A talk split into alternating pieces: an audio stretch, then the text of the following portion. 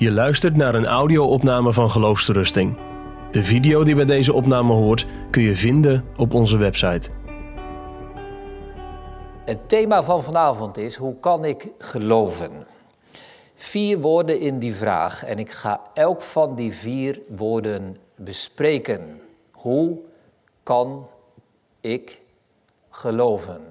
De volgorde die ik aanhoud is iets anders. In de eerste lezing geef ik aandacht aan de twee woorden geloven en kan. Dus dat wordt een lezing waarin ik wil laten zien wat Johannes 9 bedoelt met geloven. Wat Johannes 9 zegt over kunnen geloven. Dus dat zijn, laat ik zeggen, dat zijn de vragen van ons verstand. Wat zegt de Bijbel daarover? Hoe kunnen wij die zaken helder krijgen? De tweede lezing gaat over die andere twee woorden, gaat over ik en over hoe. Dus dat zijn, laat ik zeggen, meer de vragen van het hart. Dan alles wat we gehoord hebben in de eerste lezing, gaan we als het ware naar onszelf, op onszelf toepassen. Geloven, het eerste woord waar ik op in wil gaan. Wij hebben met dit hoofdstuk, Johannes 9, een hoofdstuk uit het boek van de tekenen, zoals dat wordt genoemd. Het eerste deel van het evangelie van Johannes vertelt over allerlei tekenen, over wonderen die Jezus doet. En die zijn telkens bedoeld om ons lezers duidelijk te maken wat geloven is. Wat is geloven in Christus? Want als wij dat niet helder hebben, als wij dat niet kunnen begrijpen met ons verstand, dan komt het ook niet in ons hart. Paulus zegt dat in Romeinen 10. Hoe zullen zij in hem geloven van wie zij niet gehoord hebben? Hoe zullen zij horen zonder iemand die predikt? Dus Johannes is hier bezig, ook in Johannes 9, om ons duidelijk te maken wat geloven is. En hij doet dat op een hele consistente manier. Hij doet dat door telkens een ik ben uitspraak van de Heer Jezus naar voren te halen. En daar vertelt hij een teken bij, een wonder dat Jezus doet. En die combinatie samen laat zien wat geloven is. In Johannes 4, hè, dat is het hoofdstuk van die Samaritaanse vrouw, gebruikt Jezus het beeld van het water. Ik ben het levende water. En geloven is dan een dorstige die van het water drinkt. Johannes 6, ik ben het brood dat uit de hemel is neergedaald. Wat is geloven dan? Geloven is dat brood eten. Voor de hongerigen. Leven krijgen door het brood des levens. Johannes 11, het hoofdstuk dat gaat over Lazarus die dood is. Het wonder is dat Lazarus levend wordt. En de ik ben uitspraak is dat Jezus zegt, ik ben de opstanding en het leven. Die in mij gelooft zal leven, al was hij ook gestorven. Ja, dus dat is telkens de manier waarop Johannes die tekenen vermeldt. Hij doet dat hier ook in Johannes 9. Jezus zegt, vers 4 hebben we dat gelezen, vers 5 hebben we dat gelezen. Ik ben het licht van de wereld. En wat is dan geloven? Geloven is zien. Geloven is het licht van de wereld zien. Nou, daarmee zitten we in het hart van dit hoofdstuk. Een blindgeborene die door het licht van de wereld gaat zien. Let op die eenheid. Geloven richt zich dus altijd op de Heer Jezus Christus. Geloven als zien moeten wij samen nemen met Jezus die het licht is. Misschien is dat wel het belangrijkste punt dat ik nu wil maken bij dat woordje geloven. Dat geloven samengaat met licht. Eigenlijk, eigenlijk gaat het Johannes helemaal niet allereerst om de vraag wat geloven is. Het gaat Johannes allereerst om de vraag wie Jezus is. En als wij zien dat Jezus het licht van de wereld is, als we dat woord aanvaarden en voor waar houden, dan zien wij. Ja, dus we moeten voortdurend beginnen bij die ik ben uitspraak van Jezus. En geloven is niets meer dan te zien wie Jezus is en wat Hij doet. Als je voorbeeld wilt, eh, het is net als de, als de, als de voorruit van je auto. Hè? Als je in de auto zit, uh, het kan zijn dat die ruit vies is, of dat die beslagen is, of misschien zit er een barst in. Er zijn allerlei dingen die niet volmaakt kunnen zijn aan die ruit. Maar die ruit zit in de auto niet om er naar te kijken, maar om er doorheen te kijken, zodat je de weg ziet. Nou, je moet het maar niet proberen, maar anders zou ik zeggen, probeer het maar eens om eens een keer met een regenbui of zo, hè, je, je, je ruit is helemaal vol met druppels, om terwijl je aan het rijden bent, naar die ruit te kijken. Levensgevaarlijk. Ja? Maar dat doen heel veel mensen. Ze kijken naar hun eigen geloof. Maar geloof is niet bedoeld om naar te kijken. Het geloof is een middel om Jezus te zien. En de een heeft een heldere ruit en de ander die heeft er misschien butsen in of beslagen of er zit vuil op. Maar dan nog steeds, juist dan moet je door die ruit heen kijken naar Christus. Zo is het geloof. En de vraag die de Heer Jezus jou vanavond stelt, is dus niet de vraag: heb jij geloof? Maar de vraag die Jezus stelt aan die man in vers 35 en ook aan ons: geloof jij in de Zoon van God? Dat is toch een andere vraag. Die laat het accent veel meer vallen op wie Christus is. Dus als ik een kerntekst voor vanavond zou moeten nemen, zou ik niet vers 25 nemen. Dat is denk ik het bekendste vers. Eén ding weet ik, dat ik blind was en nu zie, prachtige tekst. Maar het is toch niet de kerntekst. De kerntekst van dit hoofdstuk ligt veel meer aan het einde, bij vers 38. Die man ziet Jezus. Ik ben het die u gezien hebt. En die spreekt. En dan zegt die man ook dus, ik geloof, heren. Want hij ziet Jezus. De man had veel meer gezien natuurlijk. Toen hij ziende werd, toen zag hij de stad, toen zag hij de tempel, hij zag zijn ouders voor het eerst, hij zag de fariseeën, hij zag de buren, hij zag heel veel. Maar dit hoofdstuk gaat uiteindelijk, dit is de kern, over Jezus zien. Dat is ook wat die man vraagt, hè? In vers 36. Wie is hij zodat ik in hem kan geloven? Kortom, dit hele hoofdstuk gaat hierover. Deze man wordt ziende gemaakt zodat hij Jezus kan zien. Het reddende geloof ziet altijd Jezus. Nou, dan kan er een tegenwerping komen. Misschien dat iemand zegt: Ja, maar als God een mens bekeert, dan begint het helemaal niet met Jezus. Je moet toch eerst je schuld zien en je moet je zonde zien. Als de Heilige Geest iemand bekeert, dan gaat zo iemand juist ervaren dat hij onbekeerd is. Het begint niet met Jezus. Jezus komt later, dat is een nadere weldaad. Niet al Gods kinderen komen zo ver dat ze Jezus kennen.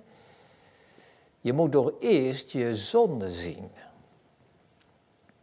Nou, Johannes 9. Marcel heeft het hele hoofdstuk gelezen. Want we moeten teruggaan naar dit hoofdstuk. Staat zoiets in Johannes 9? Als jij zoiets denkt, dan zeg je eigenlijk, nou toen die man ziende werd gemaakt, toen ging hij zien dat hij blind was. Nou, dat staat er niet. Dat kan ook niet. Die man die ging niet zien dat hij blind was, maar die ging ontdekken dat hij zag. Toen hij ging zien, ging hij niet zijn ellendige toestand zien, maar hij ging zien dat hij uit zijn ellendige toestand was verlost. Want hij kon zien. Hij was altijd blind geweest, maar nu zag hij. Dus we moeten dat niet denken. Iemand zegt, ja, maar het begint er niet mee toch, dat hij Jezus ziet, want dat komt als verderop in dat hoofdstuk. Dat is waar, dat is waar. Het lijkt aan het begin van het hoofdstuk dat Jezus afwezig is en dat die man er alleen voor staat. Maar we moeten dat hoofdstuk niet in stukken scheuren. We moeten niet opdelen uh, in twee, drie, vier gedeelten. We hebben het als één hoofdstuk gelezen en het moet als een eenheid worden ontvangen. Het is net als bij wanneer je een boek leest. Uh, de, de ontknoping, het hoogtepunt vind je meestal bijna aan het einde van het boek. En daarna nog hè, een korte nabeschouwing of zo. Maar het hoogtepunt, dat vind je bijna aan het einde. En zo is het in dit hoofdstuk ook. Die man gaat zien, maar daarmee is het hoofdstuk nog niet klaar in vers 25. Want het gaat verder tot hij Jezus ziet. En dat is het hoogtepunt. Daar ligt de kern. Dan valt die man op zijn knieën en aanbidt hij Jezus. En erkent hij dat Jezus de Zoon van God is. Dus het geloof redt niet omdat jij iets over jezelf gelooft, of over je zonde gelooft, of over je schuld gelooft, of over je blindheid gelooft. Maar het geloof redt omdat je Jezus ziet. Omdat je Jezus ziet. Omdat je ziet dat Hij het licht van de wereld is. Nou, mijn laatste aandachtspunt bij dat eerste woord geloven. Ik zei net al, hè, als die man ziet wie Jezus is, de Zoon van God, dan zegt hij, ik geloof Heer en hij aanbidt hem. Dus hij valt op zijn knieën neer en hij geeft goddelijke eer aan Jezus. Dat zit in dat woord aanbidden.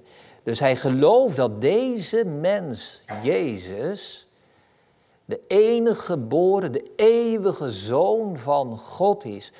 Deze man gelooft dat Jezus God zelf is.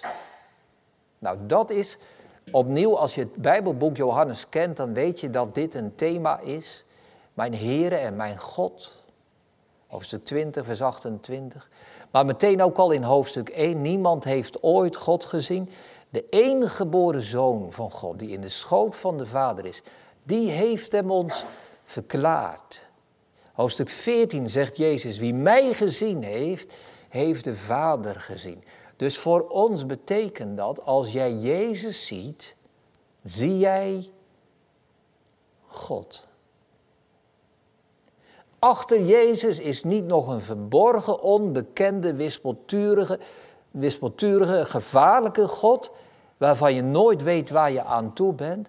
Maar als jij Jezus ziet, ken jij God. In zijn genade, in zijn liefde. Wat zag die man toen hij Jezus zag? Ik had daar wel bij willen zijn. Milde handen, vriendelijke ogen. De wet is ons door Mozes gegeven, zegt Johannes in hoofdstuk 1.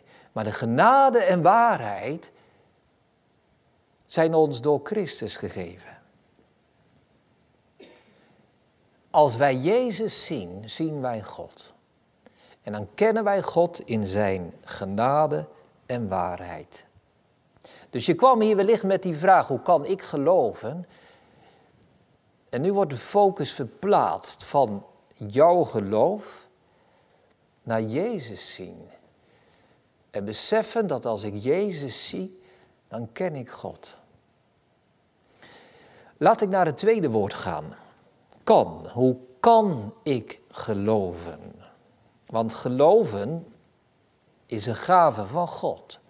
Je kunt pas geloven als God jou het geloof gegeven heeft. Of kort gezegd, je kunt geloven alleen als je bekeerd bent, als je wedergeboren bent. En dat is waar. We zijn van onszelf blind. We zijn blind geboren. Deze man is een beeld van ons allemaal. Wij komen geestelijk blind ter wereld. We kunnen niet zien, we kunnen niet geloven. En Jezus heeft gezegd in hoofdstuk 3, vers 3, tenzij dat iemand wederom geboren wordt, hij kan het koninkrijk van God niet zien. Let op dat woord zien. Als je niet wedergeboren bent, kun jij niet zien. Voordat deze man daadwerkelijk ziet, moet hij ziende gemaakt worden.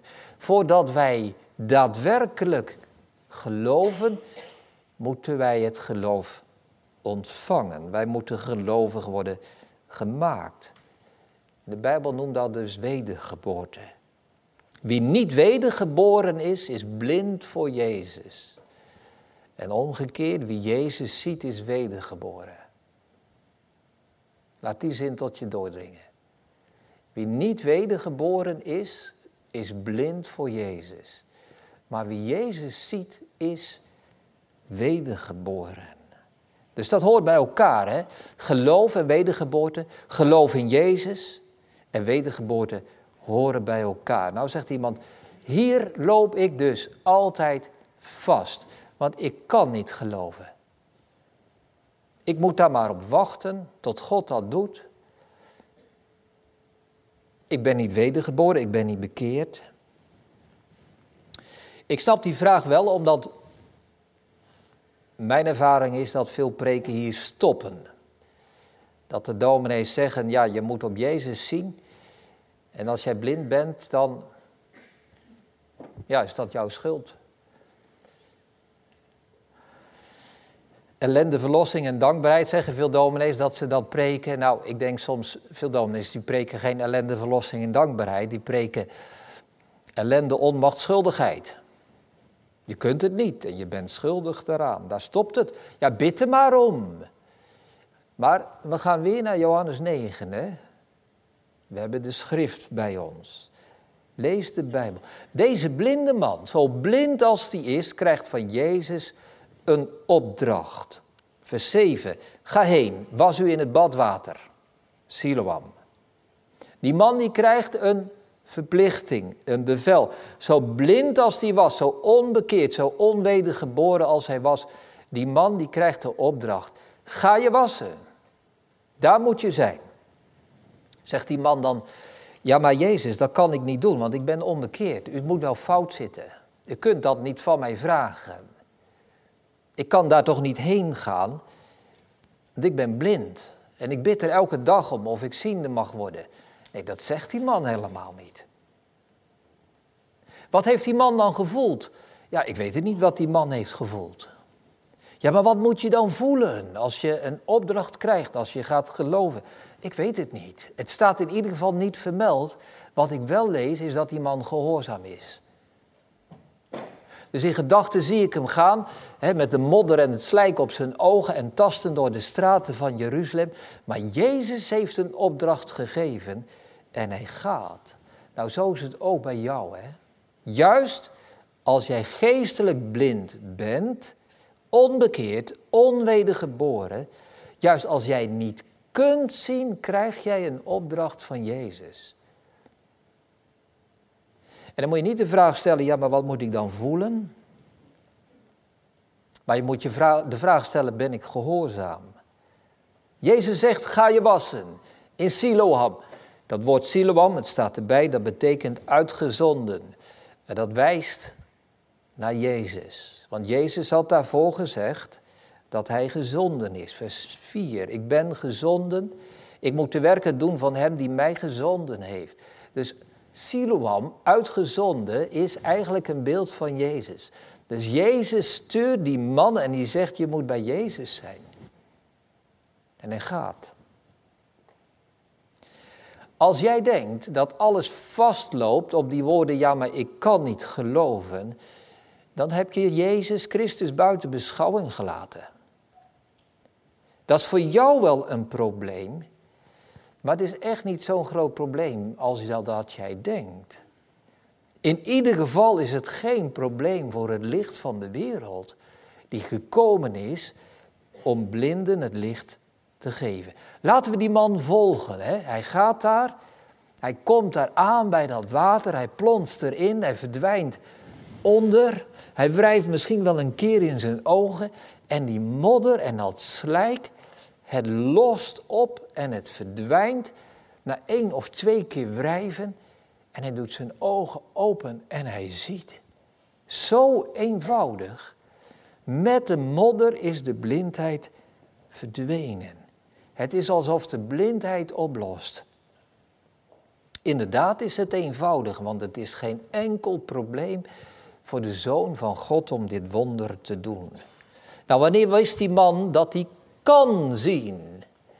Op het moment dat hij zag. Wanneer weet jij of je wedergeboren bent, of jij kunt geloven op het moment dat je gelooft? Dan weet je dat. Als je Jezus ziet. Maar eigenlijk is er een vraag die nog belangrijker is. Een punt wat nog belangrijker is. Het echte probleem van deze man was niet dat hij blind was. Hè? Hij was blind geboren, inderdaad. Maar het was niet zijn grootste probleem, want er is een licht van de wereld die hem genezen kan. Het echte probleem is niet dat hij in zonde geboren is en dat hij van jongs af aan blind is geweest. Dat is niet het probleem, want het staat Jezus niet in de weg.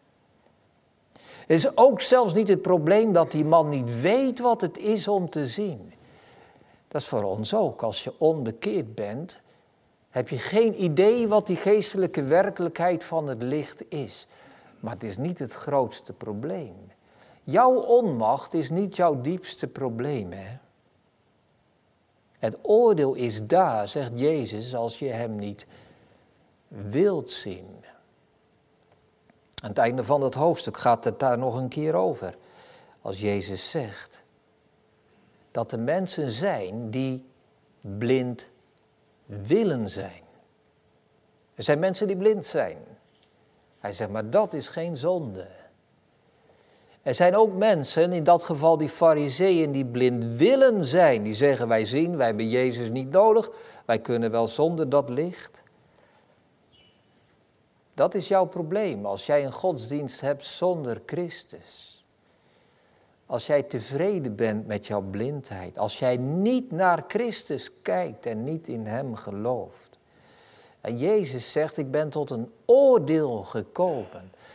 En dat is zijn eigen oordeel. Hij is de rechter. Hij oordeelt. Hij maakt een tweedeling. Weet je nog, net die opmerking, het begint niet met Jezus. Waarom zeggen mensen dat? Hè? Zou het hierom zijn omdat ze voelen dat Jezus oordeelt en dat we daar niet aan willen? Nou, ik ga mijn eerste lezing afronden. Er zijn geen bijbelse, geen dogmatische, geen leerstellige redenen om niet te geloven. Ze zijn er niet. Ja, ze zijn er wel als je Christus buiten beschouwing laat. Als jij godsdienst hebt waar Hij niet in voorkomt, dan heb je heel veel redenen waarvan je kunt zeggen, ik kan niet geloven, daar stopt het. Maar als Jezus op het wereldtoneel verschijnt, dan wordt alles anders. Dan verdwijnen al onze redenen om niet te geloven.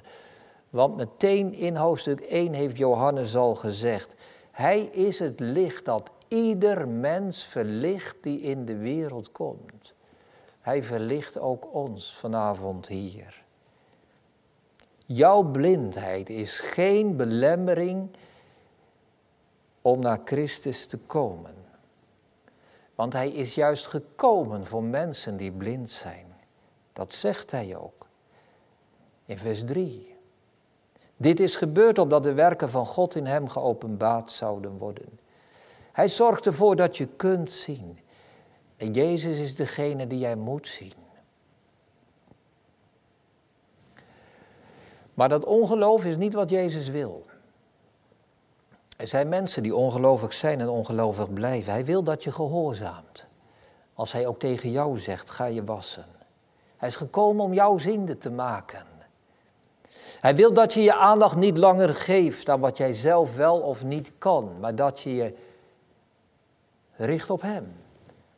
Op waarvoor Hij gekomen is. Verleg die focus naar het punt waar dit Bijbelgedeelte hem ook legt. Bij Jezus die het licht van de wereld is.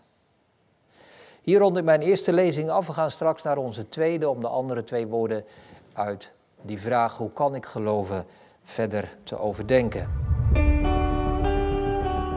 Je luistert naar een podcast van Geloofsterusting. Wil je meer luisteren, lezen of bekijken? Steun dan ons werk en ga naar de website geloofsterusting.nl.